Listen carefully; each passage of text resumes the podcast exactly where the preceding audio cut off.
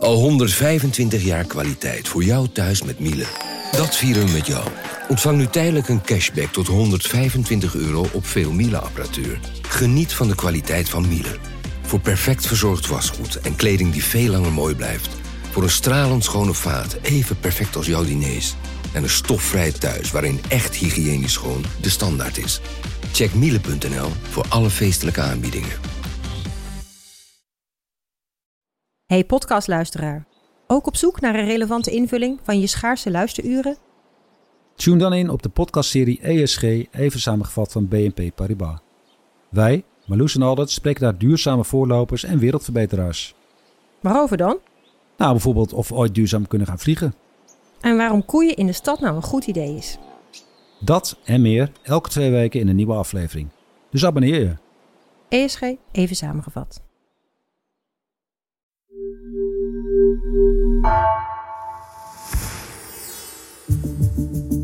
Vanaf de redactie van NRC het verhaal van dit jaar. Mijn naam is Geertje Tunter.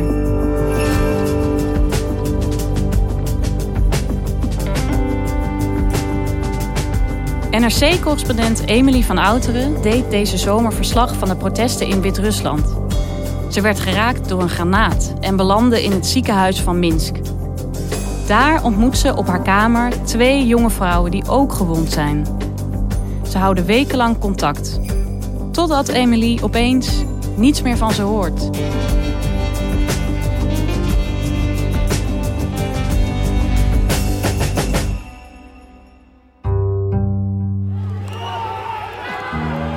In Wit-Rusland zijn 3000 mensen gearresteerd bij de protesten rond de presidentsverkiezingen. Dat zegt de Wit-Russische politie. Ook zijn tientallen mensen gewond geraakt en er is één dode gevallen. Main streets and squares in Minsk, the capital of Belarus, have been sealed off tonight after a state-run exit poll suggested the country's authoritarian leader, Alexander Lukashenko, had won the general election by a wide margin. De uitslag leidde tot demonstraties in verschillende grote steden, zoals hier in de hoofdstad Minsk. Tienduizenden mensen protesteerden tegen de uitslag. De politie zette traangas in tegen de demonstranten en vuurde rubberen kogels af. Ik ben in augustus in Minsk in een militair ziekenhuis terechtgekomen. Dat was omdat ik met tientallen anderen in de eerste nacht van protesten tegen president Lukashenko gewond ben geraakt. Door een stungranaat, zoals dat heet. Dus ik ben toen met scherven in mijn been afgevoerd naar een militaire ziekenhuis van Minsk. En daar was ik niet alleen. Protesters savagely beaten by police. As the people of Belarus plead for one thing. We want uh, clear and honest elections.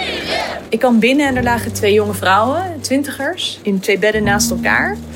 Die net als ik die avond naar een demonstratie waren gegaan. Links van mij lag uh, Maria, een kleine vrouw met kort donker haar. Die echt duidelijk heel erg uh, verdrietig was. En allebei haar benen zaten volledig in, uh, in verband. En ze was vooral heel verdrietig omdat haar vriend nog veel ernstiger gewond was. En in het andere bed rechts lag Sasha, 20. Echt een, een hele lange vrouw die meteen toen ik binnenkwam uit haar bed sprong ongeveer en hinkelend op één been mij ging laten zien wat ze allemaal had meegemaakt die nacht. Er waren filmpjes van haar been waar een rubberkogel in zat, filmpjes van haar terwijl ze door voor haar wildvreemde mannen door de stad gedragen wordt op zoek naar, uh, naar medische hulp.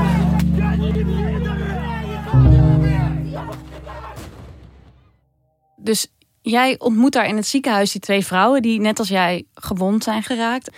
Hoe zijn zij eigenlijk in deze situatie terechtgekomen? Ja, wat ik goed is om te weten is dat uh, die verkiezingen van augustus in Minsk, ja, die waren vooraf wisten we dat die niet spannend zouden zijn. Het, was, het stond vast, zoals het in een dictatuur meestal vaststaat, dat Alexander Lukashenko die verkiezingen zou winnen. Maar er was wel echt heel veel onrust. Het borrelde, er was veel aan de hand. There's been an upsurge in protests against him, fueled by the poor state of the economy and Lukashenko's handling of the COVID-19 pandemic. Dat Lukashenko eigenlijk ontkende dat COVID bestond, of in ieder geval dat Wit-Russen zich er met wodka en sauna's immuun voor konden maken, zorgt voor heel veel onrust in die samenleving. En in die onrust was het zo dat, dat zowel Maria als Sasha echt helemaal los van elkaar een soort politiek bewustzijn ontwikkelden. Dat ze actief op zoek gingen naar informatie over oppositiekandidaten over de misstanden van de dictatuur waar ze in waren opgegroeid. Eigenlijk ja, dingen waar ze voor de zomer van 2020 eigenlijk nauwelijks ooit over nagedacht hadden. It felt like the pressure is getting more and more on, on us. Uh, we felt that situation in in our country is getting worse every month, and we felt like our government do not represent us. We have no influence on our politics at all.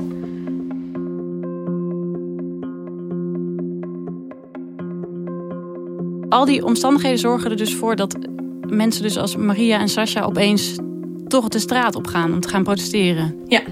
En wat maken ze mee tijdens die protesten? Hoe gaan die? Nou ja, wat ons overkwam was de, was de allereerste nacht van het uh, protest. Dus uh, er zijn verkiezingen op een zondag. Die avond wordt de uitslag bekendgemaakt die overduidelijk gefalsificeerd is. En Maria en Sasha horen bij de eerste groep mensen, de eerste duizenden mensen die die avond in Minsk de straat op gaan. Maria stond echt midden in de protesten. Die uh, stond daar met haar vriend en nog een paar andere vrienden. En ze had echt een heel euforisch gevoel bij de massa die er was en al die mensen die de straat op gegaan waren. We felt that our nation was raising her voice.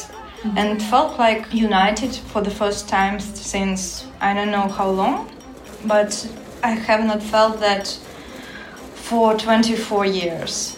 Maar op een gegeven moment zag ze wel dat er mensen gewond waren geraakt. Een man liet zijn bloedende schoen zien en iemand anders was gewond. En toen voelde ze iets tegen haar knie schieten. Some kind of uh, piece of plastic from far away uh, explosion just went into my knee. It hurt. It hurt a little. En op het moment dat zij zich om naar haar vriend keert en zegt... Maybe we need to go. I want to get out, I'm afraid. Is er een enorme explosie. Er is zo'n granaat die landt eigenlijk tussen hen in. En maakt dat haar benen zijn veel brandwonden opgekomen. En, en zijn, eh, met name zijn voet, maar zijn hele been ja, wordt half verbrijzeld door de scherven van die, uh, van die granaat. Ja. En, en, Maria is de eerste van ons drieën die die nacht in het ziekenhuis is binnengebracht. En Sasha is bij de protesten op het moment dat die een beetje uiteengedreven worden. En zij loopt achterwaarts, oog in oog met Omon. Dat is de, de oproerpolitie. Dat is van die, van die ME, maar dan wel echt gespierd. Uh, helm op, schild voor, uh, wapenstokken. En zij blijft oog in oog met hen achteruit lopen en zingt, uh, zingt ze toe. It was really close. I was worried about my ears and my eyes. Mm -hmm. So I closed my ears. Mm -hmm. And uh, when there was a grenade, I always jumped because I was worried about my legs. And uh, I didn't know that they have guns with rubber bullets. Op dat moment wordt er een rubberkogel in haar scheen geschoten. En zo belanden jullie dus alle drie op die dag in diezelfde ziekenhuiskamer. Ja, ja. Dus zij zijn allebei best wel uh, heftig gewond geraakt. En hoe ging dat met hen in het ziekenhuis? Het was medisch allemaal wel te overzien. Het was alleen, ja, je bent gewoon bewust verwond door de politie. En je hebt daarmee mogelijk een strafbaar feit gepleegd waarvoor je vervolgd kan worden als buitenlandse journalist, maar ja, zeker als inwoner, als, als activist, als demonstrant in de dictatuur die Wit-Rusland is. Wat was dat gevaar dan? Waar waren ze bang voor? Nou ja, er zijn mensen die verdwijnen in Wit-Rusland. Er waren in de politieke campagne die voorafging aan de verkiezingen zijn vrijwel alle oppositiekandidaten opgesloten, inclusief hun familieleden. Ja. Weet je, wat, wat is het plan van een regime dat besluit om, om mensen die vreedzaam in protest uitbarsten op deze manier neer te slaan? Het is, voor iedereen die daar die nacht was binnengebracht, was het onzeker of en hoe ze daar weg zouden komen. En hoe eindigde hun verblijf in, in dat ziekenhuis? Uh, Sasha mocht al binnen 24 uur naar huis. En Maria heb ik moeten achterlaten op de dag dat zij geopereerd zou worden. Uh, maar dat verliep gelukkig goed en zij is na een week ook uit het ziekenhuis ontslagen. En heb je ze daarna nog gesproken? Ja, we hebben uh, contactgegevens uitgewisseld op het moment dat, dat ik uit het ziekenhuis vertrok. En ik ben ze blijven volgen via, via Telegram en, en Instagram met name. Dus gewoon in persoonlijke berichtjes van hoe gaat het met je? Hoeveel pijn heb je? Hoe is het herstel? Maar ook heel erg uh, ja, foto's en video's van de, van de protesten waar zij weer naartoe gingen. Met name Sasha stond een week later alweer vooraan. Die had een rolstoel gehuurd zelfs om zichzelf uh, daar te laten rondrijden. Gewoon zonder enige angst uh, weer te gaan protesteren. En in die maand augustus was echt ja, wereldwijd het gevoel dat er een revolutie gaande was in Wit-Rusland. For the eighth consecutive Sunday, water cannons were used and some demonstrators were detained. Rallies in the capital have drawn as many as 200,000 people, with no sign of a let-up in the protests. Maar toen uh, kreeg ik opeens uh, een bericht van Sasha.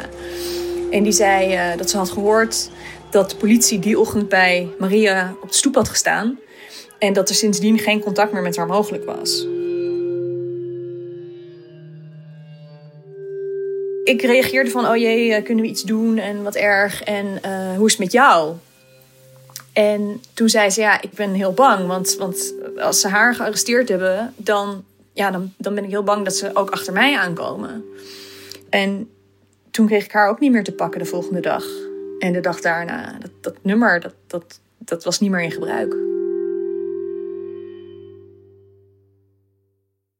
Een paar dagen nadat zij allebei verdwenen waren en ik al mijn contacten in Wit-Rusland had aangeboord, kreeg ik een mailtje van een advocaat. Mm-hmm. Die mij vertelde dat zij contact had gehad met Maria, die inderdaad in Okrestina, de beruchte gevangenis waar veel mensen gemarteld worden, uh, opgesloten was. Maria was gewoon echt opgepakt, echt het, het schrikbeeld eigenlijk. Ja, de politie heeft bij haar, uh, bij haar aangebeld en haar en haar vriend meegenomen en hem toen na een dag laten gaan. Maar haar in staat van beschuldiging gesteld voor deelname aan een gewelddadig protest. Je zei van het is echt een beruchte gevangenis. Um, wat is er met haar gebeurd daar? Uh, ze is niet echt gemarteld. Ze heeft niet, is niet met allerlei verwondingen daaruit gekomen. Zoals er beelden zijn van anderen die in Okrestina gezeten hebben. Maar ja, ze is opgesloten in een, in een cel zonder ramen. Met permanente verlichting. Waar uh, een gat in de grond zit. Waar ze er behoefte moet doen. Waar ze slecht en weinig te eten kreeg. They didn't feed me the first day. There's no clocks, no windows, and one light bulb, which is not turned off at night. Mm -hmm. So it's. So you have no idea if it's night or day. Or yeah. En gelukkig kwam al vrijdag het bericht dat Maria was vrijgelaten. Ze weliswaar nog steeds verdachte was, maar ze had uh, ja, de, de, maximale termijn van een, uh, van een voorarrest zonder verder bewijs anders dan uh, de splinters in haar eigen lichaam. Ja, gelukkig is ze toen vrij snel met haar moeder naar Polen gevlucht. En je zei, ja, Sascha was ook heel erg bang in die tijd. En dat hielp natuurlijk ook niet dat Maria al opgepakt was. Hoe is het haar vergaan? Wat heeft zij gedaan? Van Sascha word ik gelukkig dat ze veilig was. Die uh, had een nieuw nummer. En liet me weten dat ze elders in Wit-Rusland ondergedoken zat. En pas toen haar de politie ook bij haar moeder op de stoep stond. Dus dat ze echt actief naar haar op zoek waren. Dacht ze, ja, ik, moet, ik, ik, kan, ik ben gewoon niet veilig in dit land. En toen heeft ze eerst ook geprobeerd om naar Polen te komen. Maar dat bleek ingewikkeld. En toen, ja, toen is ze wel op advies van anderen... maar toch in een soort paniek heeft ze de bus naar, naar Litouwen gepakt. En nu zitten ze dus allebei in het buitenland. Zijn ze nu veilig? Ja, ze zijn in de Europese Unie. Ze hebben niet het idee dat zij zelf uh, nog gevaar lopen. Maar ze hebben wel natuurlijk andere mensen ook in problemen gebracht met naar een protest gaan. En dat vind ik wel heel bijzonder ook om, om dit zo door hun ogen mee te maken. Is dat je ook ziet wat activisme en, uit, en, en uiteindelijk vluchteling zijn. Niet alleen met jezelf doet, maar ook met je omgeving. Want um, voor Maria betekent het dat haar vriend gewond raakte, omdat zij hem overtuigd had om naar een demonstratie te gaan. Maar dat vervolgens ook uh, haar vader eerst zijn baan is kwijtgeraakt.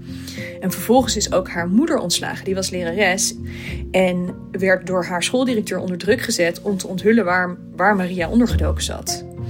Dus eigenlijk de drie mensen die Maria het meest dierbaar zijn, dus enig kind, die hadden alle drie enorme problemen doordat zij die nacht naar een demonstratie was gegaan. Ja, maar Maria heeft wel weer de mazzel dat ze met alle drie die mensen in Polen is. Dus alle drie die mensen veilig zijn. Terwijl voor Sasha, haar, die, die, is er eentje gevlucht. En iedereen die haar duurbaar is, zit nog in Wit-Rusland. En is nog in de greep van dit regime. Ja, dus één zo'n protest, dat trekt echt een spoor van vernieling eigenlijk. Ja, één zo'n protest of, of in ieder geval één zo'n tegenreactie van het regime. Het, het, het feit dat zij gewond raakten maakte dat ze geregistreerd waren, maakte dat het, ja, dat sneeuwbaleffect van problemen voor ze uitrolde. hey, en Emily, hoe gaat het nu? Mhm. Heb je nog contact met ze? Ja, ik heb uiteraard contact met ze gehouden. We hebben ja, in dat ziekenhuis afscheid van elkaar genomen. Ik heb, eh, ben twee maanden in Nederland geweest voor mijn eigen herstel. Dus eigenlijk zodra ik in Polen was, heb ik Maria gebeld van eh, waar ben je en eh, dus kan ik langskomen. Hey dear, do you want a hug? so good to see you. How was your trip? Yeah, it's good. It's- I forgot how far it is. Hoe was het om haar weer te zien? Lijkt me best Ja, het was, bijzonder. het was heel fijn om, om haar weer te zien. Want je, je, ja, je, je hebt wel contact gehouden, maar iemand is, heeft eerst nog iets veel vreselijkers doorgemaakt dan je samen hebt doorgemaakt.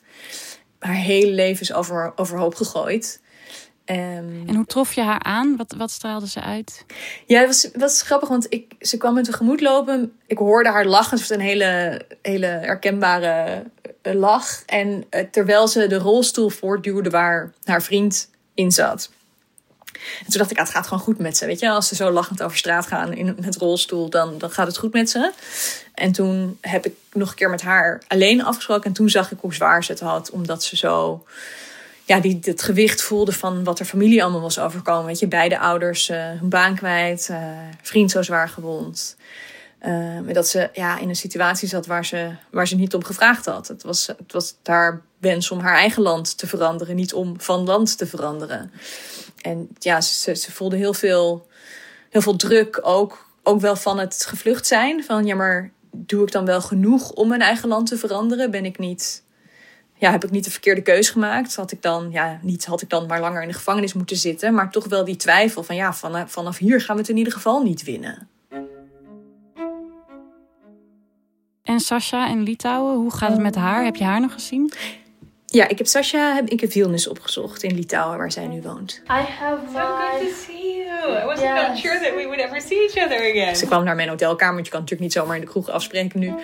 Helemaal ingepakt met een masker en dikke kleren aan van de, van de kou. I I didn't ex- expect that you could come. Of course. Ook nog eens in het midden in een pandemie, waarbij je dus geen nieuwe vrienden maakt. Dan is het natuurlijk heel eenzaam als je in donker, eh, bevroren november, december op je twintigste in je eentje in een, eh, in een kamertje in Litouwen zit. I miss my family so much. Yeah. You can't imagine. My mother, I text her every evening. If I don't, she's like, "Oh, where are you? Oh, where are you? Text me anything."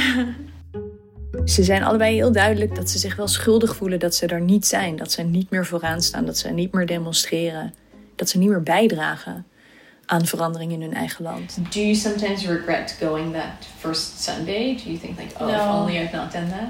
no, if I didn't go to this protest, then I wouldn't be the first person who started the protest process. Yeah. Because a lot of people the next days they Mhm. went out just because of people like me were injured for nothing. Als zij die avond niet waren gaan demonstreren, dan waren de demonstraties de volgende dag niet zo groot geweest. We went out and we were shot. And this is what people went out against.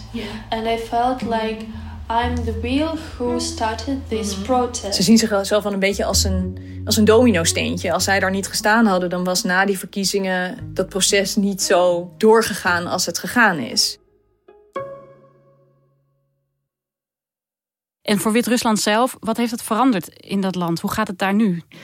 Na dat enorme enthousiasme en al die hele grote protesten overdag in augustus, waar echt honderden duizenden mensen op afkwamen, is het wel weer omgeslagen. Het is natuurlijk kouder geworden. Mensen hebben het geduld niet om heel lang te protesteren. Ze moeten naar hun werk, ze moeten naar school.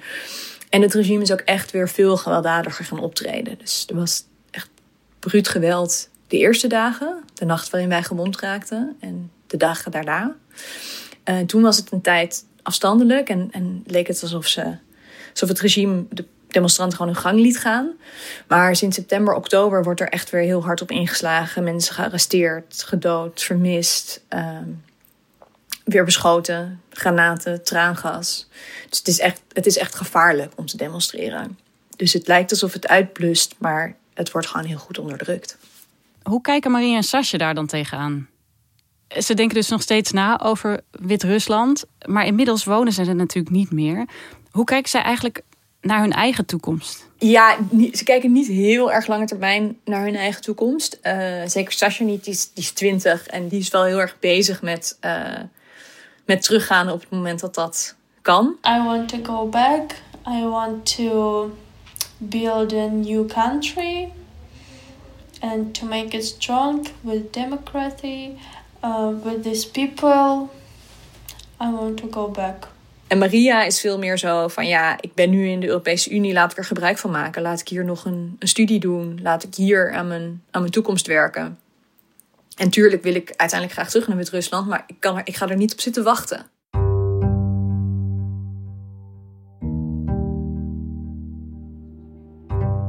En wat denk jij, zijn ze voor nu beter af waar zij zitten in plaats van in hun, weet je wel, in hun vaderland in Wit-Rusland? Kijk, ik heb gelukkig, en ik denk bijna niemand die hier naar luistert, ooit in de positie gezeten dat je een keuze moet maken over vluchten of blijven. En je kan niet inschatten voor iemand anders hoe je die som maakt. Weet je, hoeveel dagen in de gevangenis is hoeveel jaar of, maanden vluchten waard. Dat, is, dat zal echt voor iedereen anders zijn en ook niet, niet van tevoren te zeggen. Misschien kan je over vijf jaar zeggen: ja, het was beter dat ik ging of misschien had ik moeten blijven. Maar op dit moment denk ik dat je dat alleen maar op, op een soort intuïtie en overlevingsdrang kan doen. En ja, ze overleven makkelijker in Polen en in Litouwen dan misschien in Wit-Rusland. Dankjewel, Emily. Jij bedankt, Geertje.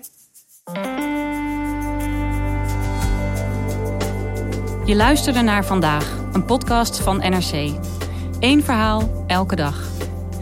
Deze aflevering werd gemaakt door Nina van Hattem, Ido Havinga, Henk Ruigrok van der Werven en Jan-Paul de Bond. Chef van de audioredactie is Anne Moraal. Dit was vandaag, morgen weer.